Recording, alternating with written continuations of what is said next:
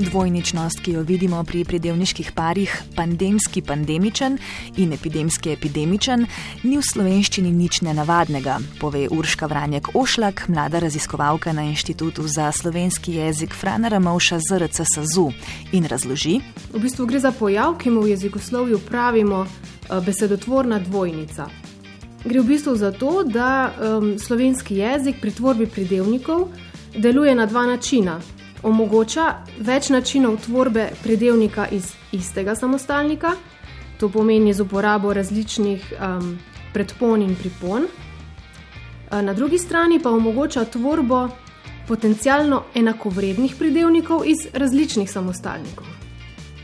Zdaj pri pridevniškem paru pandemski pandemičen gre v bistvu za to, da sta oba tvorjena iz besede pandemija samo z različnima obraziloma, ski in ni. Preverim v spletnem franu, medtem ko besedo pandemski najdem takoj, pridevnik pandemičen iščem brez uspeha. Um, tako ja. v bistvu je pridevnik pandemski v aktualnih priročnikih slovenščine omenjen le v sprotnem slovarju, kar pomeni, da je izraz relativno nov.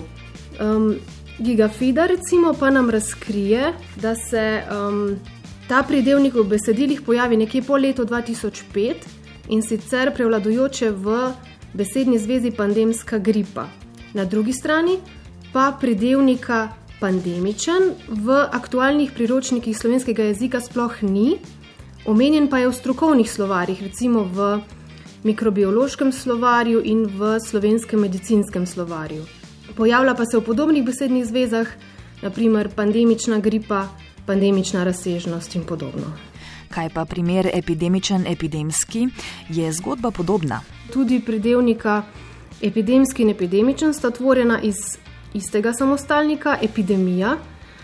Stanje v slovarjih pa je naslednje: pridevnik epidemski se v jezikovnih priročnikih za slovenščino ne pojavlja, Strokovni slovarji, naprimer že omenjeni mikrobiološki slovar in slovenski medicinski slovar, pa uporabnika usmerijo na pridevnik epidemičen.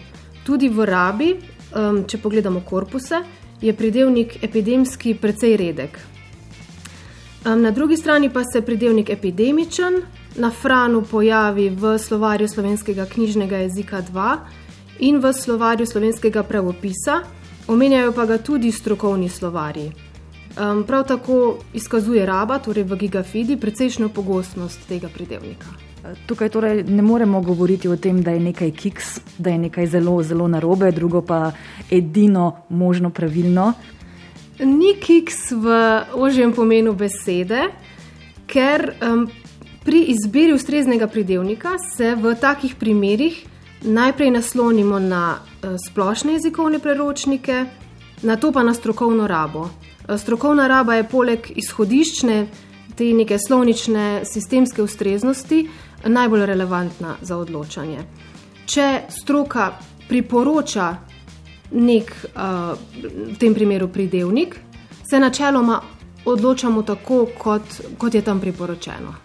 Glede na slišano, bo torej malenkost bolje, če uporabljamo pandemičen in epidemičen. Tako je, mogoče že zaradi, um, zaradi tega, da uporabljamo eh, pridevnike z enakim obrazilom, zaradi neke um, konsistentnosti v besedilu.